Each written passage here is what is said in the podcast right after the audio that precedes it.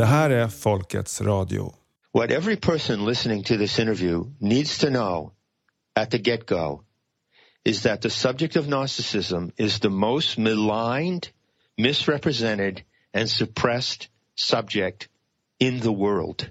John Lamb Lash, mytologiforskare, shaman och nutida gnostiker. The Gnostic teachings from the Levant particularly, that is to say Palestine, Syria, the Middle East, have been the single most repressed, demonized, and attacked teachings of any culture or tradition in the entire world.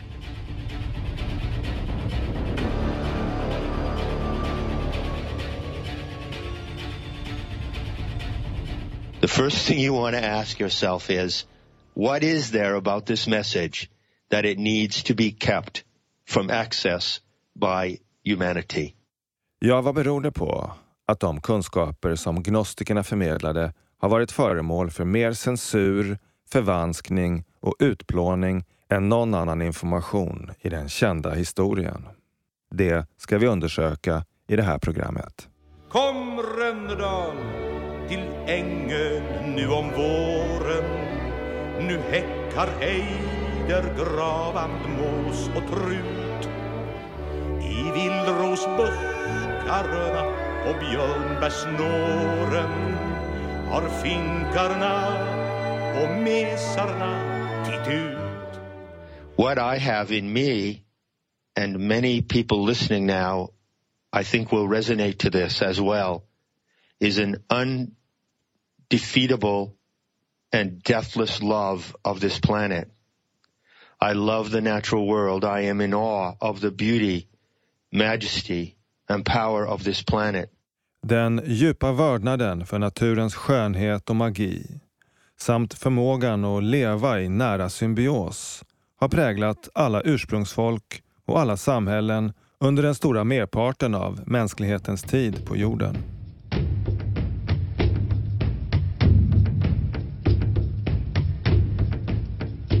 The Gnostics worked by a method and they left us a method.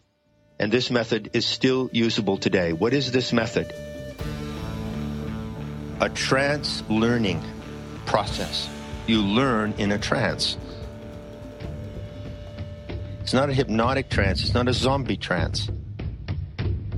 But it's a higher trance. I det extatiska transtillstånd gnostikerna försatte sig kunde de interagera med naturens intelligens och ta emot unik kunskap. There are things to be known about humanity, about nature, and about the cosmic situation of the earth and humanity that can only be known in ecstasy. You have to be in ecstasy to know them.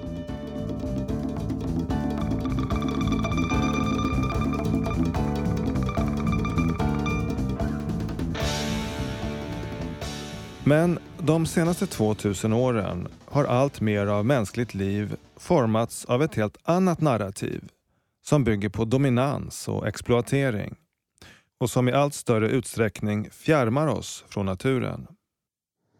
The combination of artificial intelligence and bioengineering will create completely new bodily and physical and mental traits Israeliske filosofiprofessorn Yuval Harari är rådgivare åt World Economic Forum. Homo sapiens is likely to disappear Hur har vi hamnat där vi nu befinner oss? Enligt världens mäktigaste institutioner och deras språkrör i en tidsålder där biologiskt liv kommer att byggas ihop med teknologi och på sikt kan komma att ersättas helt och hållet. Maybe the most important impact of the new technologies is that they will change the very meaning of humanity and they will change the basic rules of the game of life. Harari beskriver den här utvecklingen som en logisk fortsättning på vår evolution.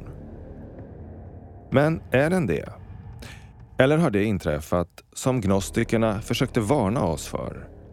Att vår naturliga evolution har blivit kapad av någonting främmande.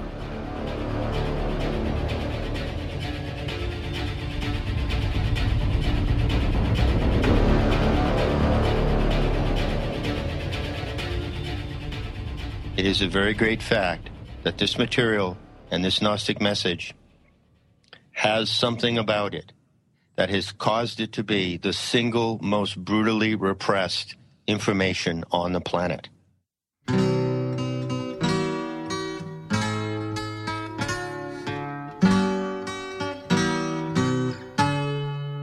Men med tanke då på att såväl budbärarna som budskapet varit föremål för den mest utdragna och mest systematiska utrotningskampanjen i världshistorien, hur kan vi då överhuvudtaget veta någonting om gnostikerna? In the first week of December 1945, a peasant was looking for manure in caves in a place north of uh, Luxor. And he found in clay jars these texts, which are called the Nag Hammadi Codices. Codice means a book. 1945 gjorde en egyptisk bonde ett märkligt fynd när han letade efter gödsel i en grotta. Det visade sig senare att det var papyrusrullar som gnostiker grävt ner troligen på 400-talet när de visste att såväl de själva som deras bibliotek och kunskaper snart skulle vara förintade, brända och utraderade ur historieskrivningen. Även om de multnade skriftrullarna från Nag Hammadi var extremt svårtydda var de icke desto mindre de första gnostiska texter man funnit i original innan någon kunnat förvanska dem. And then it wasn't till the next year, 1947, that a scholar from France, Jean Dorès, was in Cairo.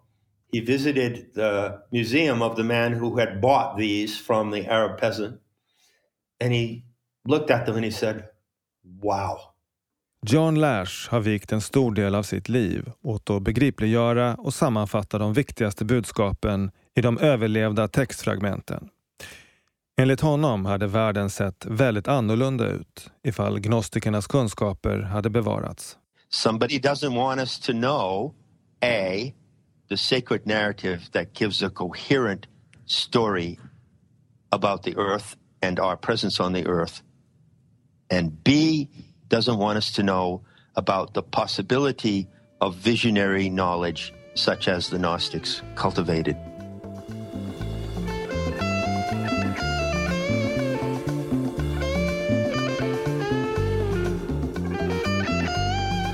Somebody doesn't want us to know this because if we did know this, if even small numbers of people on this planet knew this, it would be impossible to perpetrate the evil and domination that currently rules this planet. That is how powerful this Gnostic intel is. It is the most powerful spiritual intel on earth.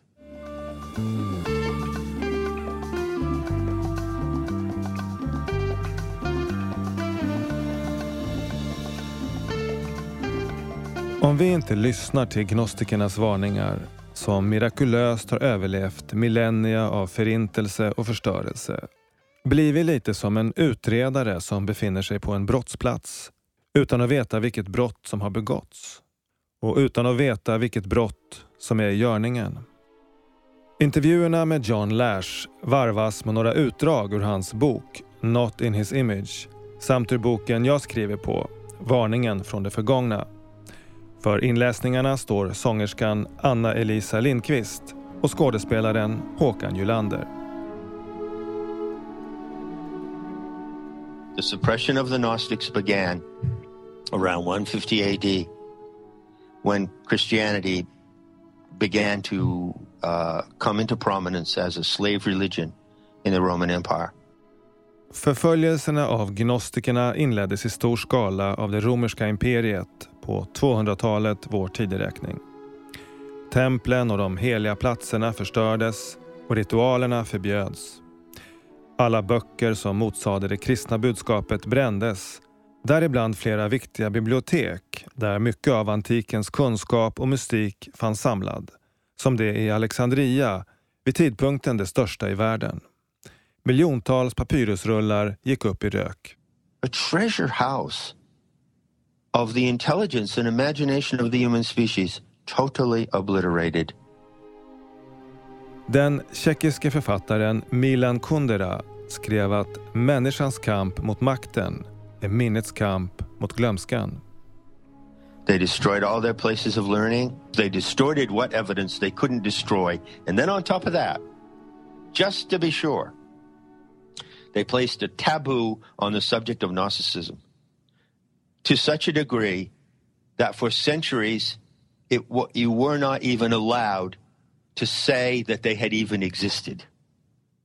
Efter årtusenden av censur och indoktrinering är det lätt att glömma att vi någonsin levat på ett annat sätt. Historieskrivningen är som sovjetiska fotografier där man såg till att Trotskij, efter att han hamnat i onåd, retuscherades bort, som om han aldrig funnits.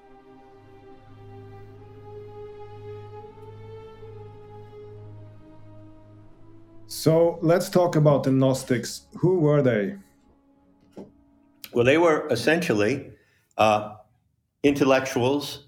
They were intellectual shamans. You have shamans in, you know, in the Amazonian jungle in Peru. You have shamans in Siberia. Shamans, shamanism is all over the world. They represented a specific class of intellectual shamans, and so they were also the teachers and educators of the ancient world.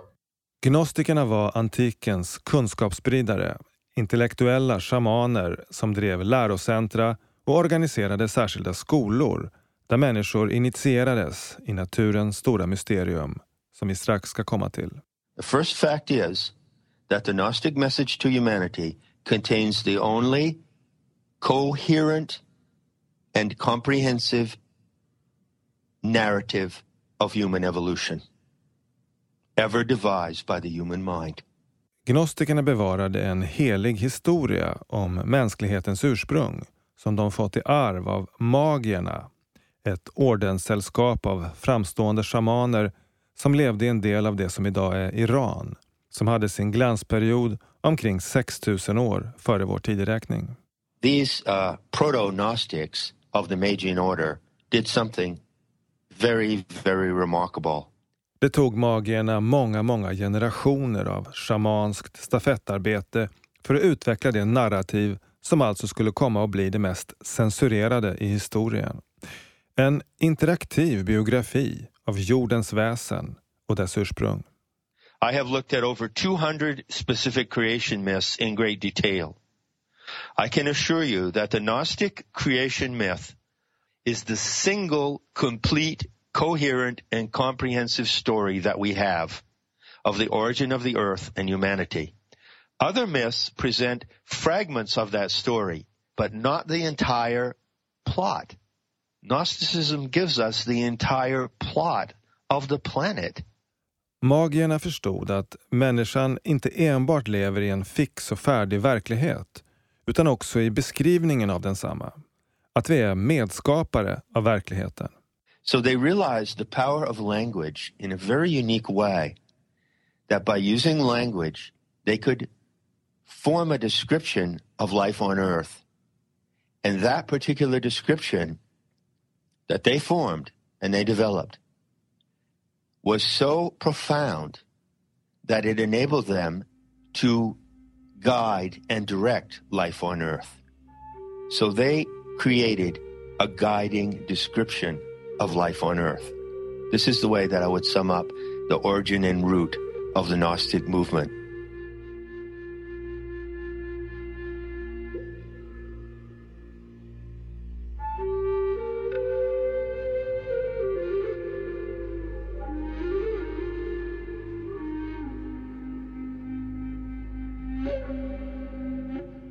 Historien om jordens ursprung är alldeles för komplex och detaljerad för att här redogöra för.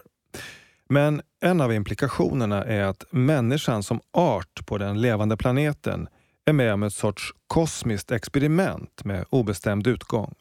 Där vårt syfte är att som aktiva deltagare utvecklas i förbindelse med planetens inneboende intelligens, som de kallade Sofia, visdomens gudinna. The second and concluding point of the myth is that it teaches you that when you are in nature, you are not merely in a stage setting. The material of the earth the clouds, the rivers, the mountains, the skies, is permeated by the living intelligence and emotion of Sophia. It is alive, it thinks, it feels, and its thinking and feeling is accessible to every human animal and every other species as well. Denna animistiska förståelse av alla ting i naturen, träd, stenar, sjöar, som levande och medvetna, är central hos alla ursprungsfolk.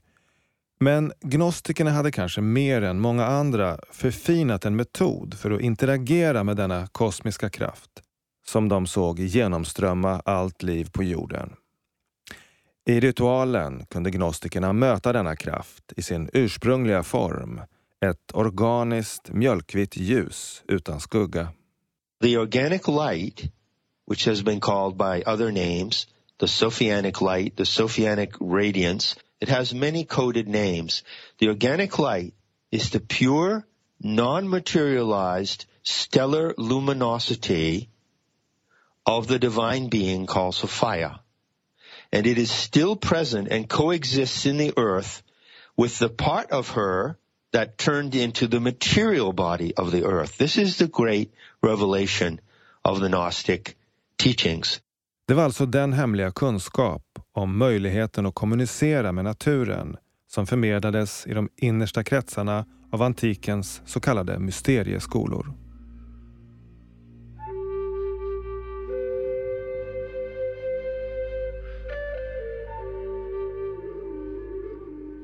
They had a rule, and the rule was that they would not talk outwardly or publicly about what I'm going to tell you now.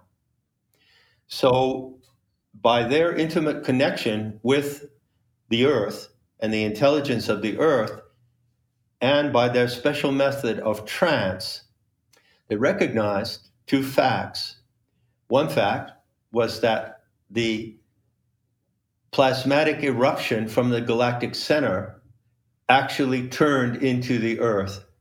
The wisdom goddess turned into the earth. But the second fact they realized was that even though she turned into the earth, even though she is present to you in the clouds, the sky, the rivers, she also retains her original status. And that original status is a living, luminous, plasmatic torrent. She is a torrent of plasmatic light. And they were actually able to encounter that light. So it's as if you could say, and I think this is a great analogy and doesn't need anything more.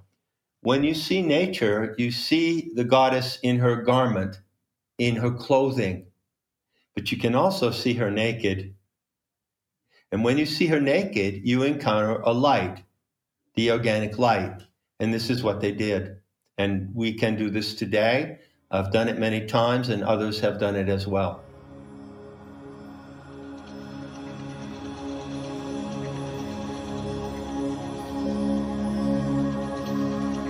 When you go into an ecstatic trance, when you go into heightened awareness, you penetrate not into another dimension somewhere in outer space or some non-material realm, but you penetrate into the depths of the material realm of nature itself. What is at the depth, in the depths of nature? Supernature. The supernatural is not beyond nature, it's within it. That is the Nahual. It is the dimension of the supernatural.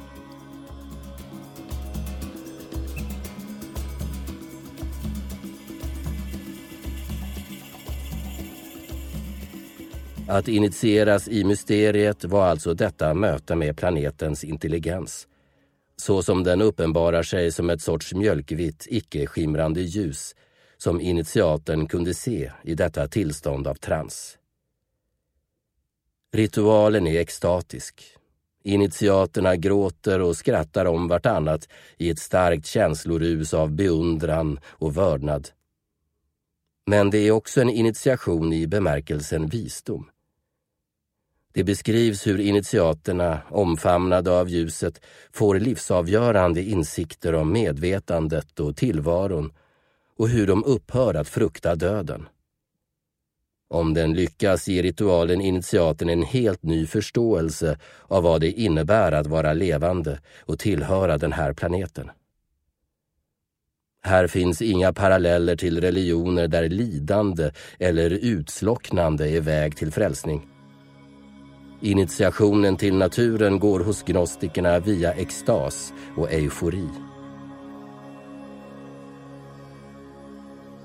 Uh, some people listening to this, they might say, okay, it's a goddess and it's this and that. It's just another religion. Religion is faith, it's based on belief. What I'm telling you is not based on belief. In fact, don't believe me. Don't believe me. The only way to approach the Gnostic message is to test it out for yourself and find out. So there's a practice for testing it. So it becomes your first hand experience. Men är detta inte bara ännu en religion, undrar jag? Inte som Lash ser det. Här finns inga mellanhänder, ingenting som bygger på någon tro. Initiationen i mysteriet bygger på den egna erfarenheten. The other thing about that distinguishes this Sophianic way of life from religion is that there is no authoritarian doctrine. There are no rules uh, coming down from the Father God of how you should behave. Uh, there is no hierarchy. There is no church as such. And there is no salvation and there is no Messiah. Här finns heller inga hierarkier, inga moralregler eller förbud, ingen kyrka och inget evangelium, ingen Messias och ingen frälsning. Det hade var ett alternativ till all religion. The fundamental experience of everyone in Gnosis today is the same. It's not the same because it's dictated to be the same. It's the same because everyone who encounters the organic light has the same experience. That being so, there is no need for religion. There is no need to construct a dogma around it. In fact, it's the last thing that anyone would want to do.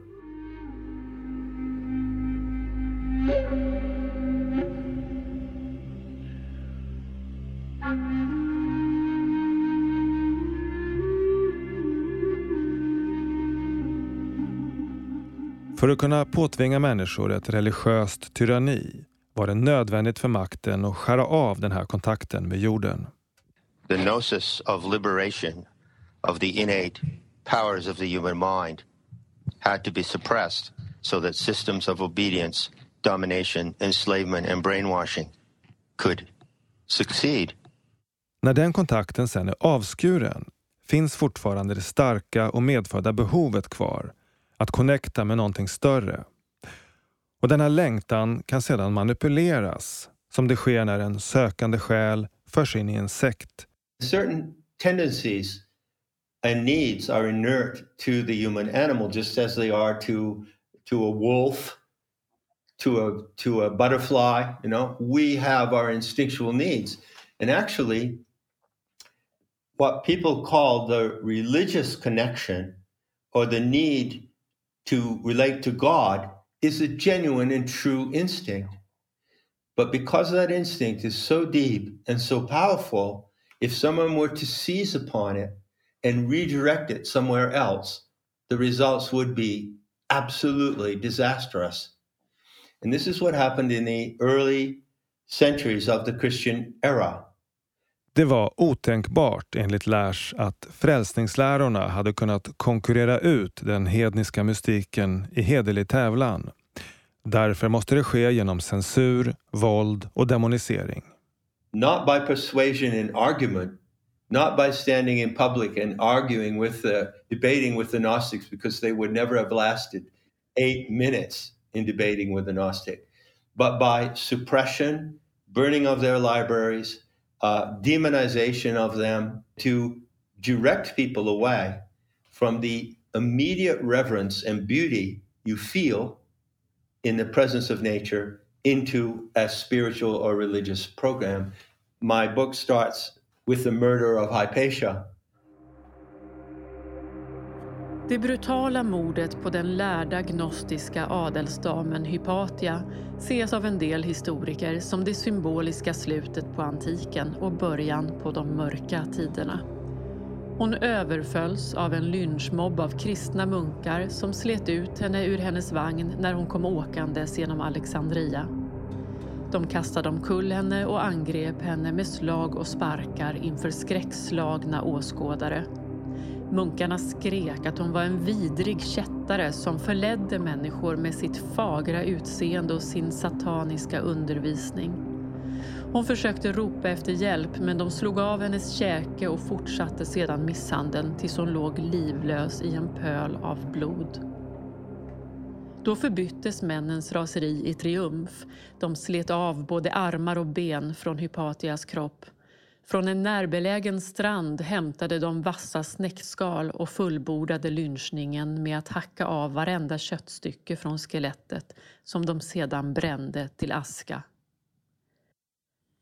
Det finns även en viss symbolik i själva den bestialiska våldshandlingen som kan sägas ha varit det rituella mordet på gnosticismen, på den heliga kunskap om människans ursprung och planetens väsen som var nödvändig för att kristendomen skulle kunna ta över.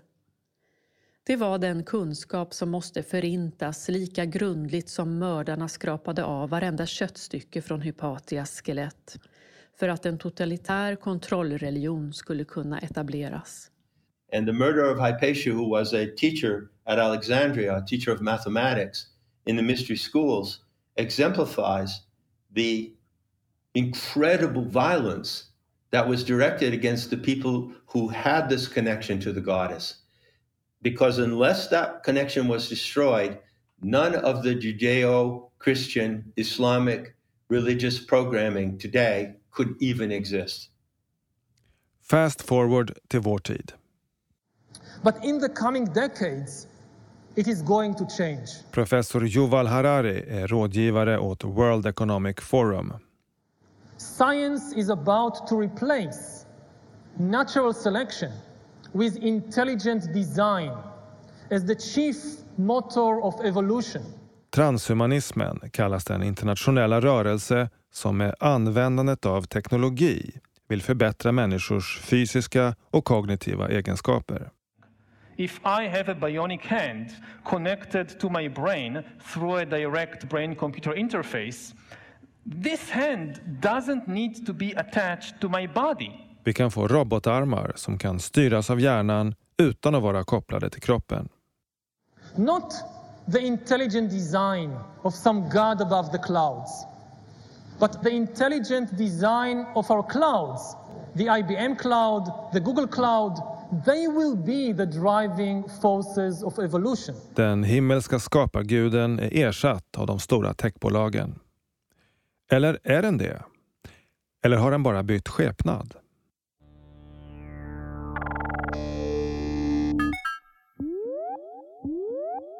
Då är vi framme vid den mest kontroversiella delen av gnostikernas budskap. Också det för alltid utraderat om det inte vore för det unika fyndet av nedgrävda papyrusrullar. Ungefär en femtedel av de urgamla texterna varnar för en sorts tankeparasiter som bebor vårt solsystem.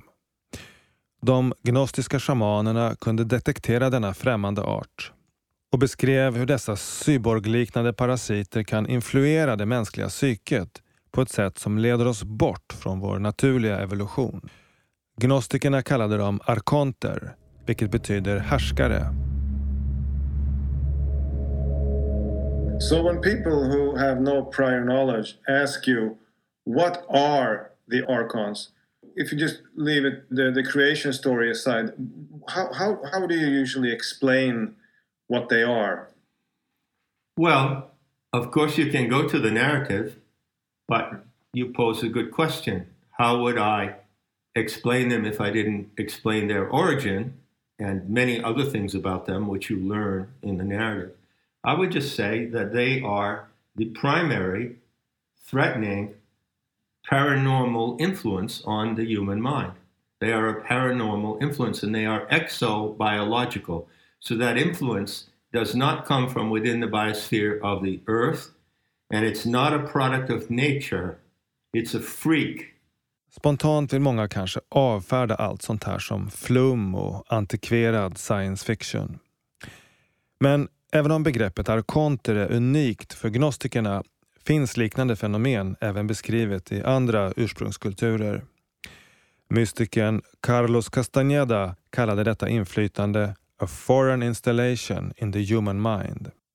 Gnostikerna beskriver arkonternas främsta vapen med det koptiska ordet ”hal” som betyder simulering, virtuell verklighet. Gnostikerna varnade för att den största risken för mänskligheten att avvika från sin naturliga evolution, alltså att utvecklas i samspel med jordens visdom, uppstår när vi föredrar den arkontiska simuleringen, det koptiska ordet hal, före verkligheten. Människan är begåvad med en exceptionell förmåga till abstraktion. En unik intellektuell egenskap som de övriga arterna på jorden inte har i samma utsträckning. Förmågan att rita avancerade modeller av verkligheten som sedan kan omsättas i broar, maskiner och högteknologiska städer. Det är en styrka, men där i finns även, menade gnostikerna, vår akilleshäl. Denna tendens att tänka i abstrakta representationer, kopior, kan börja leva sitt eget liv om vi inte har den under uppsikt och håller den inom rimliga gränser. Kanske kan de gnostiska varningarna ge oss en nyckel till att förstå den utveckling som skett i världen sedan dess och den tid vi nu lever i. Världens mäktigaste institutioner som FN och World Economic Forum leder utvecklingen mot de globala hållbarhetsmål som kallas Agenda 2030. Men granskar man hur dessa mål är tänkta att uppnås finner man att vägen dit går genom det de kallar den fjärde industriella revolutionen.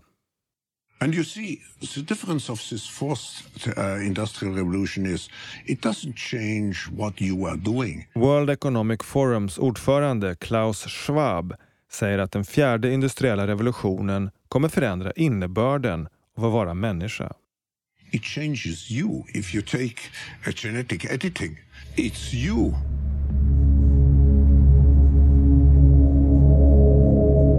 Framtiden de tecknar är genetiskt modifierad mat och storskaliga manipulationer av klimatet. Solljuset ska avledas genom gigantiska speglar i stratosfären och vädret regleras med kemiska partiklar. Vi ska ställa om till smarta städer med drönare, självkörande bilar och sakernas internet där våra hem och prylar ska vara uppkopplade mot artificiell intelligens. Artificial intelligence, uh, the Internet of Things, cloud computing, advanced robotics and many others. Nästa steg är kropparnas internet där dagens bärbara datorer och virtual reality headsets ska bli implantat i våra kroppar och hjärnor. Men blir detta en utveckling som gagnar livet på jorden? Eller håller den teknokratiska eliten på att skapa det interface som arkonterna behöver för att få makt över oss? They inspire human beings to create the very technologies by which they, the archons, can take us over. We're actually in their service in a lot of the technology that we have invented, especially AI and IT. It's purely archontic. We don't need it to survive on this planet. It is a terrible pollutant. It is a terrible instrument of mind control. And it is a result of human beings being captured by the mindset of the archons. They have an ability to give us their mind. We humans should get used to the idea that we are no longer mysterious souls. We are now hackable animals. Which I think is maybe the most important development of the 21st century is this ability to hack human beings, to go under the skin, collect biometric data, analyze it and understand people better than they understand themselves. Men på gnostikernas tid, i det förteknologiska samhället, var det främst genom religioner arkonterna kunde utöva sitt inflytande. Av de återfunna gnostiska texterna i Nag Hammadi framgår att de försökte varna mänskligheten för de nya frälsningslärorna som spred sig från Palestina. They said that Judaism, Christianity, and by extension Islam are an alien or foreign installation in the human mind. Vad var det för en märklig religion som inte såg den här världen, den levande planeten, som helig? Det gudomliga fanns nu någon annanstans, som något abstrakt. De gnostiska shamanerna fick tidigt onda aningar när den nya frälsarteologin började sprida sig. En teologi vars slutmål är världens undergång, apokalypsen. Det var inte en religion som de ansåg kunde ha vuxit fram organiskt på den här planeten. Enligt de gnostiska texterna hade arkonternas ledare Jaldabaut ingått en överenskommelse med Abraham. Han som anses vara judendomens grundare och de abrahamitiska religionernas patriark. Abraham. Abraham. A voice on the dry wind? Who is it? I am the Lord, your God. Med andra ord, Gamla testamentets Gud var en illvillig bedragare. En patetisk demon som felaktigt tror sig ha skapat hela universum. Och frälsarteologin var alltså ett ideologiskt virus som arkonterna, Jaldabauts underhuggare, hade planterat i det mänskliga medvetandet. Ett så pass allvarligt villospår för mänskligheten att det skulle kunna leda oss bort ifrån vår naturliga evolutionära bana och leda oss mot fördärv. Gnostikerna försökte alltså varna mänskligheten och de konfronterade de kristna ideologerna. I den mån följande beskrivning stämmer är det inte svårt att förstå varför gnostikerna gjorde sig mäktiga fiender. The Gnostics came forth from their long-standing tradition in the so-called mystery schools which they founded. And they stood before the first proponents of Christianity and they said, hey, look, we'd like to point something out to you. Uh, we understand that you are propounding an ideology of salvation, that you consider there was a male creator God who is not on the earth, an off-planet God, who created the entire universe. You consider that this God selected a chosen people whom we know as the Jews to represent him among the non-Jewish nations that he sent or is going to send a Messiah, and that at the end of time, he is going to exercise uh, an act of judgment upon the entire human race, and he's going to select those who obey him and destroy those who don't. We understand that this is your Judeo-Christian uh, narrative, and we'd like to tell you that your narrative is not only wrong, but it is dangerously deluded. And we are Gnostics, that is to say, we are shamans and seers uh, who base our system of knowledge, not belief, upon centuries of careful investigation and study. And we can tell you that according to our knowledge, this deity that you consider the supreme deity, we have already recognized this deity, who it is, thousands of years ago. And we warn you that this deity is not a true God, but it is in fact an extraterrestrial alien God pretending to be the creator and that you are following a God who is a pretender and who is actually acting against humanity.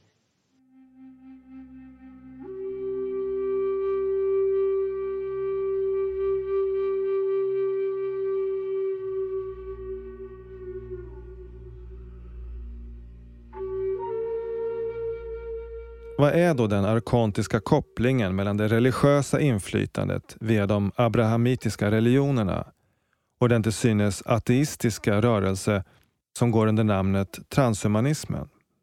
Ett adjektiv som John Lash använder är biophobic. Ett djupt rotat, om än maskerat, hat mot det organiska, självgenererande livet. A biophobic drive and it is actually not human. It is something non-human working through the human being. And you see this biophobic drive, for instance, in the Old Testament. You find that Jehovah, the supreme deity of that religion, uh, dictates certain rules to the people. And uh, among those rules, there are something like 600 or more rules of hygiene, sexual behavior, uh, elementary rules, what you can eat, what you cannot eat, what you can handle, how you can handle food. And you think, well, wait a minute, what is this all about? Over 600 taboos about how you relate to the natural elements of life. And that is the clear evidence that of this biophobic, life hating impulse. And that is the essence of what the archons are. We are in the process of becoming gods. And the big question that faces us is what to do with our new godlike powers. Det är nog svårt för oss idag att föreställa sig vilken hjärntvätt som har krävts för att skära av människans djupa kontakt med naturen och vilken roll religionerna har haft i denna process. Det koptiska ordet hal, arkontisk simulering, betyder inte enbart imitation utan skapandet av kopior som har värden motsatta det ursprungliga. Dessa perverterade kopior, där krig är fred, frihet är slaveri, är maktens modus operandi och går som en röd tråd genom vår historia. Ett till exempel som förtjänar att nämnas är det bibliska skiftet från Asheran till Menoran. I antiken ägde mystiska ritualer och gudinnedyrkan rum i naturen, inte sällan i lummiga trädungar. I centrum för dessa ritualer står Ashera, trädens gudinna. När gudinnekulterna förbjöds och de heliga lummiga lövlundarna brändes ner uppfanns menoran för att ersätta det som blivit förstört. Menoran är den sjuarmade ljusstaken, en viktig symbol inom judendomen. I detta skifte märks ett djupt patologiskt hat mot det levande och det organiska. Den sjuarmade ljusstaken är nämligen en schematisk abstraktion från naturen. En imitation av en ashera, det heliga trädet. I gnostiska termer är denna typ av artificiell replikering av naturen exempel på HAL, arkontisk simulering. I skiftet från organisk form till en abstraktion går ett helt spektrum av värden förlorade och andra värden som är motsatta till det organiska livet anammas såsom vore de likvärdiga eller till och med överlägsna de värden som gått förlorade.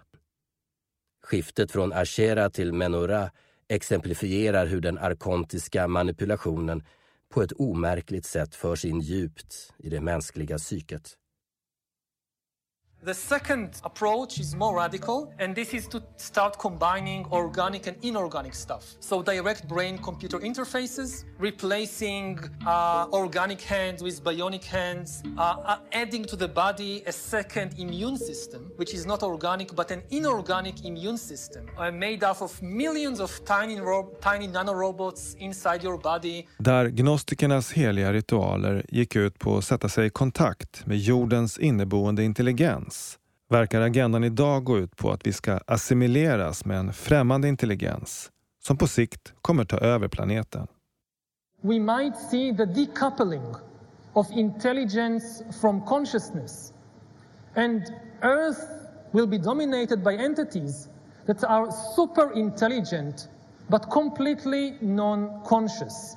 Highly intelligent computer programs that have no minds, no feelings, no emotions. Det finns beskrivet i Nag Hammadi-skrifterna att arkonterna ser med avund på den levande planeten och det självgenererande livet i naturen. Och på människorna, för vi har en själ, en essens av något slag som de saknar och aldrig kan få. Det finns enligt gnostikerna ingen konkret plan som arkonterna har. Gnostikerna beskriver hur deras attack mot mänskligheten och mot livet på jorden är en besinningslös akt av avund, en destruktion av det arkonterna skulle vilja ha, men som de vet att de inte kan få. Det finns också beskrivet hur arkonterna till en början ville bli som människorna. När de insåg att de aldrig kunde bli det beslöt de sig istället för att göra om människorna så att vi blir som dem. Den bibliska frasen att Gud har skapat människan till sin avbild torde med Nag Hammadi-texterna som bredvidläsning handla om just detta. Den arkontiska agendan att göra om människan så att hon blir som dem och att lura oss att tro att de har skapat oss.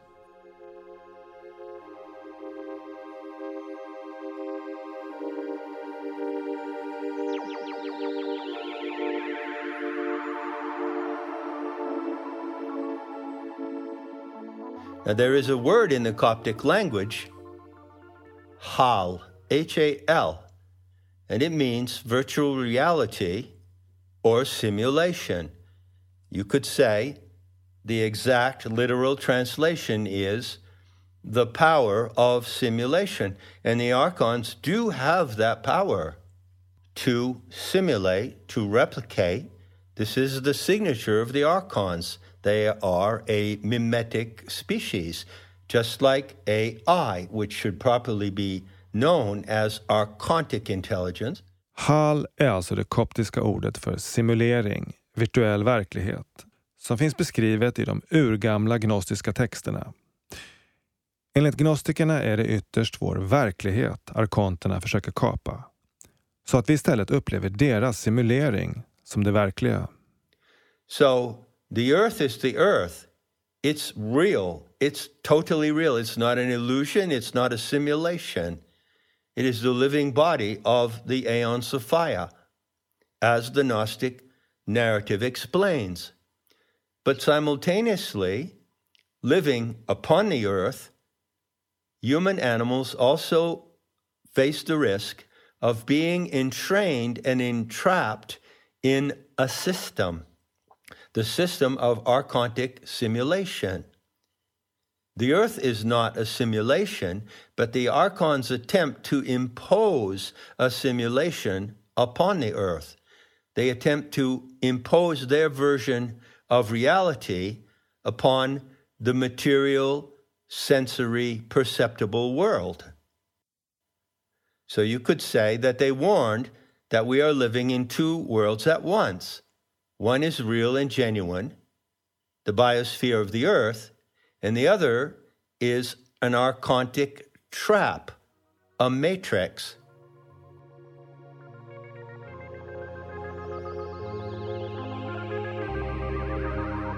För att lura in oss i sitt matrix är arkonterna beroende av mänskliga hantlangare. And you see that today demonstrated in, for example, the threat coming from the World Economic Forum. The fourth industrial revolution will lead to is a fusion of our physical, our digital, and our biological identities. That they will create a technocratic utopia in which your digital identity is the same as your personal identity as a living animal. Well, that would be the triumph of the archons in a certain sense, because they would have superimposed HAL, a virtual reality, over the actual living reality of your experience. And that indeed is what they are attempting to do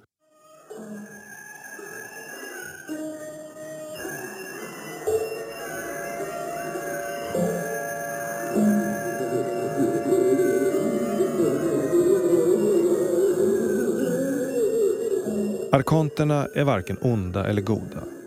De är som ett störningsfält som har en viss typ av inverkan på det mänskliga sinnet om vi tillåter det. You write in your book, uh, quote, It is as if the presence of the archons in the planetary system sets up a deviant field that distorts human thinking. Um, so, so how is one to understand this field? Is it like a, a radio uh, transmission? Yeah, it's a radio frequency field, shortwave radio frequencies. That is what they have used. That is what they emit. They are like insects that emit shortwave radio frequencies that jam the neurological frequencies of the human mind.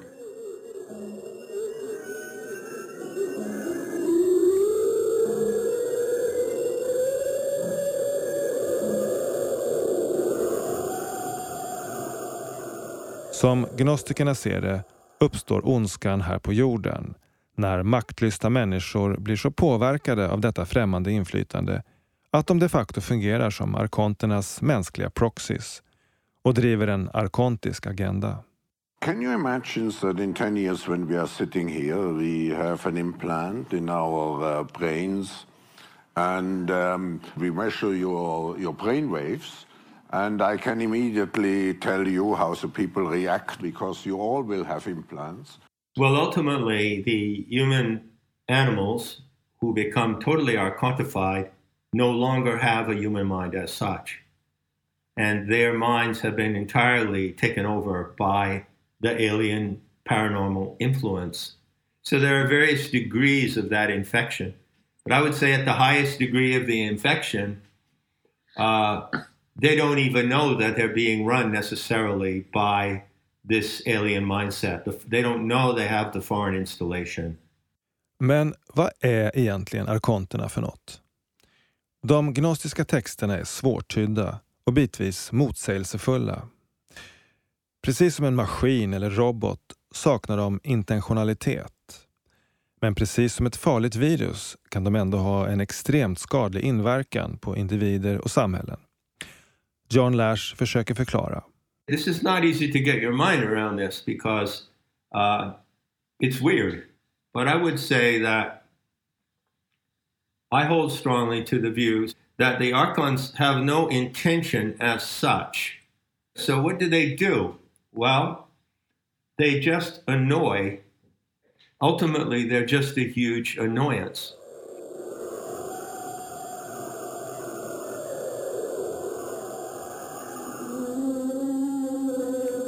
So there's a, a line that I'd like to quote where one of the Gnostic teachers is speaking, and he says, uh, Yes, there is a kind of plan against us that the Archons have, but the plan is senselessness. It's absurdity. Arkonternas attack är en akt av meningslöshet. Lash säger att en effekt vi ser av deras inflytande är att våra myndigheter och makthavare ter sig allt mer absurda. And if you want to see ample evidence of the human proxies and human agents of the archons in the world today, then just look at the authorities and look at how they talk to the public. They're, they're, you're okay. You're not going to you're not going to get COVID if you have these vaccinations. Yeah. USAs president Joe Biden medverkar i CNN. You got the vaccination? Yeah. Are, are, you, are you okay? I mean, you seem no, it works. Or you you know, or or, or the mom and dad, or or, or, or, or the neighbor, or when you go to church, or when you're no, no I, I, I really mean it. There are trusted interlocutors. If if your kid wanted to find out whether or not there were there's a man on the moon, or or you know whether those aliens are here or not, you know who are the people they talk to beyond the kids who love talking about it?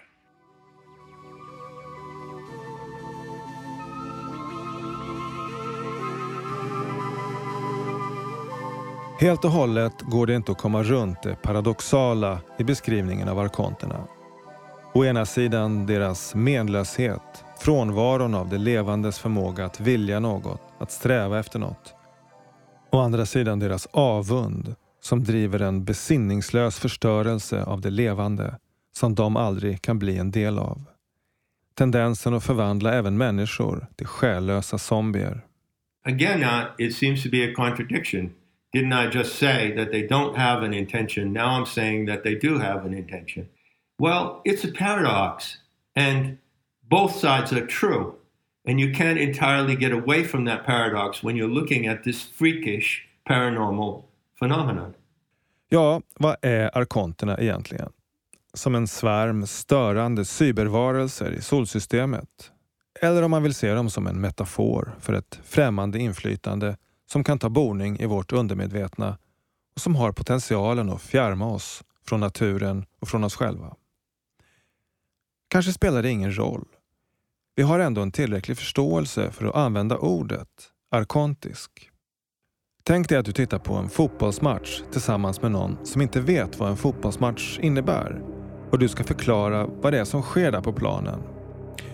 Och låt säga att din förklaringsmodell är att det rör sig om uppvisning. Syftet är att göra eleganta trick för att tillfredsställa publiken. Det är allt. Då blir det väldigt svårt att förklara tuffa tacklingar, sparkar på smalbenen, hårda skott på mål.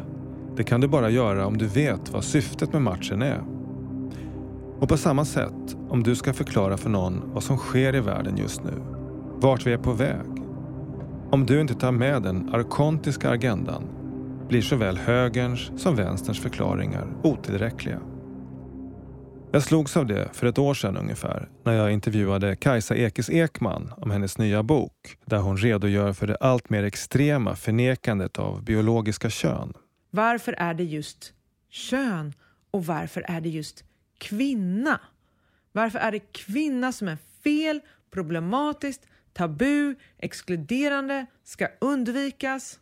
Vårdguiden som rekommenderar att vi ska undvika ordet kvinna. Alltså jag anar ju ugglor i mossen här måste jag ju säga. Liksom. Enligt de nya normerna är det förvisso okej okay fortfarande om kvinnor pratar om menstruation och barnafödande så länge de inte beskriver det som kvinnliga egenskaper. Nej, alltså, det skulle nog inte ses, i alla fall inte än, som exkluderande om en kvinna pratar om att ha mens utan att hon nämner att hon är kvinna. Man kan prata om mens, men man får inte längre säga att det är kvinnor som har mens. Ekis Ekman gör ett otroligt viktigt jobb som uppmärksammar detta. Och hon försöker förstå och förklara transagendan utifrån sin marxistiska maktanalys, där även detta är en del av en pågående klasskamp. Men är det verkligen ytterst en kamp mellan klasserna? Eller är det ett krig mot själva livet? Kommer vi inte närmare sanningen om vi benämner agendan arkontisk? Då kan vi se utplåningen av kvinnan för vad den faktiskt är. En biofobisk avund och ett hat mot livets essens. Om tio år kanske Vårdguiden utvidgar sin rekommendation. Människa, undvik.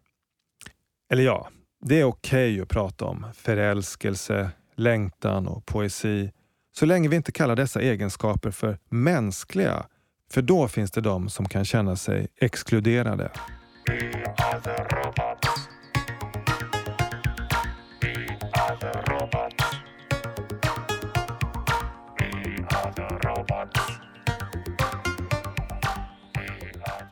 I sin bok Not in his image skriver John Lash att den mänskliga historien känner inte någon motsvarighet till det spirituella och intellektuella folkmord som riktades mot mysteriernas väktare och deras anhängare. Man bör vara noggrann med termen folkmord, genocide. Men när den används i denna vidare bemärkelse är påståendet obestridligt. Den systematiska utrotningen av människor som hade kvar den intima kontakten med naturen inbegrep hela det så kallat hedniska Europa och delar av Mellanöstern. Men även ursprungsfolken i Amerika, Afrika och Australien. Once they had basically eliminated the system of the mystery schools, which was a network all around Europe, extending into Scotland and, and all around the Mediterranean basin, they said, well, no, that's not good enough. Det räckte inte med att utrota gnostikerna. Efter dem kom turen till alla andra människor som hade en helig förbindelse med naturen. Exempelvis kvinnor som hade kännedom om örter och som kunde lindra smärtan vid en förlossning. All sådan visdom fördömdes som häxkonster och skulle utplånas. Now we're going to go after the, the witches and the warlocks and any woman who uh, midwives and any woman who heals with the herbs of nature. We're going to take them out too because the risk is too great that even if one shred of this connection remains, we will not achieve our program. De drygt 300 år långa häxprocesserna då miljontals kvinnor torterades och mördades tillhör de mörkaste och skamligaste kapitlen i Europas och den kristna kyrkans historia. Ett centralt paradigmskifte i människors medvetande som kyrkans ideologer försökte frambringa gällde synen på naturen och på den levande planeten. Från att ha sett som besjälad och möjlig att inom ramen för andliga ritualer hämta ovärderlig visdom från skulle naturen nu ses som en resurs till för oss människor. Naturen skulle erövras, inte vara föremål för glädje och i synnerhet inte för vördnad. Det naturliga, det kroppsliga, kötsliga kom att ses som fult och skamligt, sexualiteten som syndig. Planeten och kroppen, i synnerhet kvinnans, var att betraktas som gudsförgätna platser.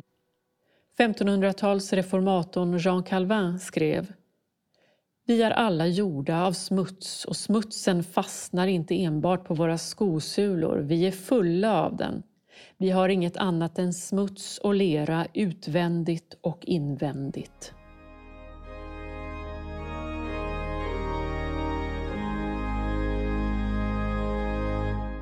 Från Europa spred sig terrorn även till övriga kontinenter. Den kristendom som påtvingades folk genom korståg och kolonisering slet sönder människors själsliga band till naturen. I dokumentären Standing on Sacred Ground berättar författaren Daviana McGregor om hur folket i Hawaii först på 1980-talet kunde återta sina inhemska ceremonier igen.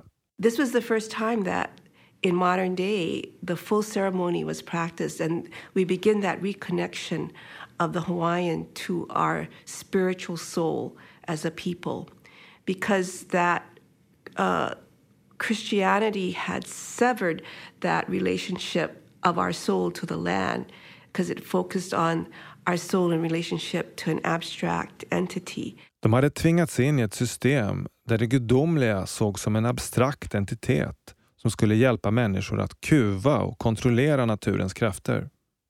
I guess in the Judeo-Christian tradition, we're really looking at humans conquering nature and invoking um, this this spiritual entity to help humans overcome obstacles in nature and control these, these forces of nature.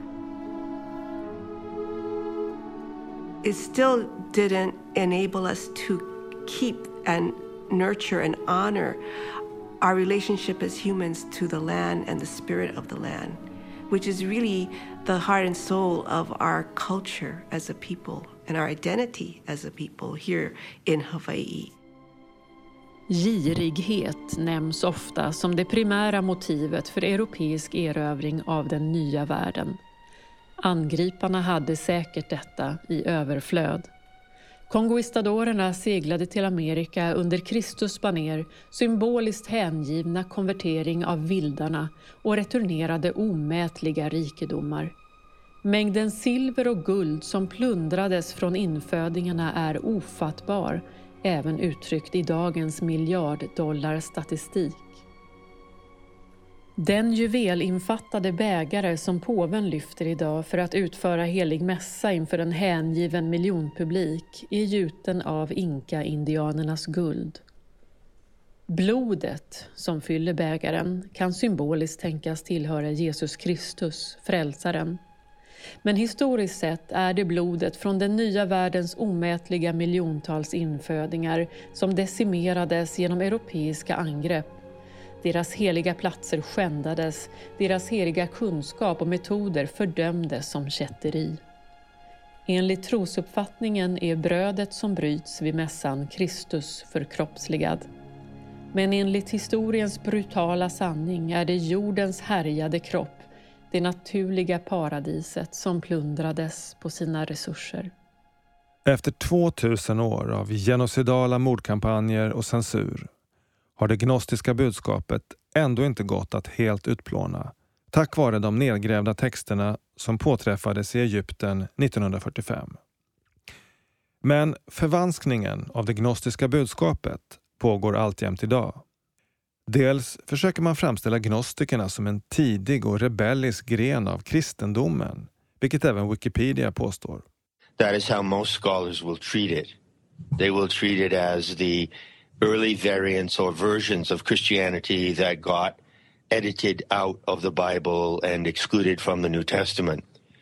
Gnosticism is not an ancient religion. It's not a religion at all. And most specifically, it is not merely uh, an early or heretical or marginal form of Christianity. En annan vanlig förvanskning som stammar från de tidiga kyrkofäderna går ut på att tillskriva gnostikerna den biofobiska synen på kroppen och naturen som var förhärskande inom kyrkan. Many people have claimed that the Gnostics were uh, what is called anti-cosmic, meaning that they rejected the material world. And in this view, they would have regarded matter as something that is evil. This is entirely wrong. En liknande nidbild av gnostikerna tecknade nyligen Per Johansson och Erik Skylt i sin podd Myter och mysterier. Jag skulle säga att det känns som att det är en, i grunden en väldigt negativ världsbild. Ja. Eller hur? Att världen är, är mycket, mycket mörkare, mycket mer fallen eller mycket mer onda. Jag frågar mig liksom vilken sorts ande ligger bakom en sån här text. Mm. Det är ju inte någon ande som är intresserad av, av, av klarhet och någon sorts ren uppfattning, någon, någon, någon sorts ty, glädjerik. Mm, nej. Är det inte så att den stora skillnaden mellan gnostikerna och de andra är att gnostikerna, om, om man drar ut deras synsätt liksom, och ställer på sin spets, så är det att de liksom ser ner på det materiella. Ska man kunna säga så? Att de Ja. tycker att You know, there's a lot of talk about Gnosticism on the internet, and they present a version of Gnosticism which is not correct. And so I consider them to be controlled opposition, either due to ignorance or intention or both. I don't know. I would love to be on a stage with them, to debate with them, Nu underförstås inte att just myter och mysterier skulle vara kontrollerad opposition. Men jag hoppas verkligen att Per Johansson vill medverka i en klargörande debatt med John Lash här i Folkets Radio. För den som vill förkovra sig finns flera längre intervjuer med John Lash på Folkets Radios Youtube-kanal. And we call this the metaverse. And you're going to be able to do almost anything you can imagine. Get together with friends and family, work, learn, play, shop. Facebook-grundaren Mark Zuckerberg beskriver hur de sociala medierna nu blir virtuella i metaverse. You'll be able to hang out, watch videos together, and jump into apps together. Then there is Horizon Worlds, which is where you can build worlds and jump into them with people. I mean, look at what Zuckerberg is proposing. Meta. Oh, well, you you you don't have to go visit your friends in Costa Rica or down the street. You can put on a virtual reality mask and you can visit them virtually. This is what they want. They want us to live in the virtual. And we're already seeing people build some really interesting experiences, from creating new games together to throwing surprise parties in VR that family and friends around the world can join. And if we live in the virtual, if we uh, choose to stay in that trap, then we will be nothing but remote controlled zombies. And this is the end game of the Archons. And no one ever warned us about this as clearly as the Gnostics did. De gnostiska shamanerna hade alltså redan för många tusen år sedan ett begrepp för simulering och virtuell verklighet.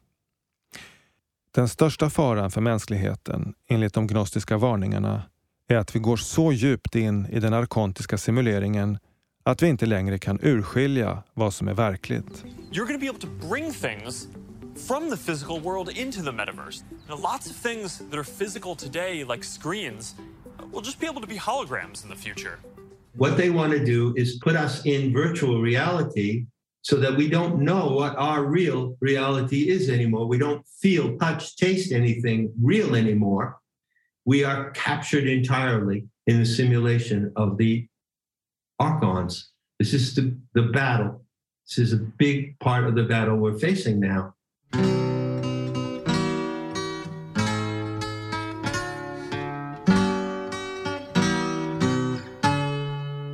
Utplåningen av det gnostiska narrativet är lite som en deckare där skurkarna har lyckats begå det perfekta brottet och sopa igen alla spår. Men så inträder en oväntad vändpunkt när ett nedgrävt föremål påträffas i jorden och informationen börjar sippra ut. I en hotfull tid, då mänskligheten är splittrad och polariserad, hjälper oss gnostikernas budskap att se var den verkliga frontlinjen går någonstans. Skiljelinjer som höger och vänster blir ganska irrelevanta när vi ställs inför valet om vi vill förbli människor eller övergå i något helt annat. Om vi vill leva i verkligheten eller i en simulering. If you really want to make a difference and correct what's happening on this planet, it's not enough to expose it. You have to oppose it. And you have to oppose it with the entire force of your life. What is worth living for is worth dying for. But I would add to that a most wonderful qualification. You can do it with the planet. You can do it in collaboration with the intelligence of the planet itself. No one single person can make a difference unless the passion and power of that individual is rooted in love for the earth and in connection to her. And then all bets are off and everything is possible. What's that I hear now ringing in my ears? I hear it more and more. It's the sound of freedom calling, ringing up to the skies. It's the sound of the old ways of falling. You can hear it if you try. You can hear it if you try.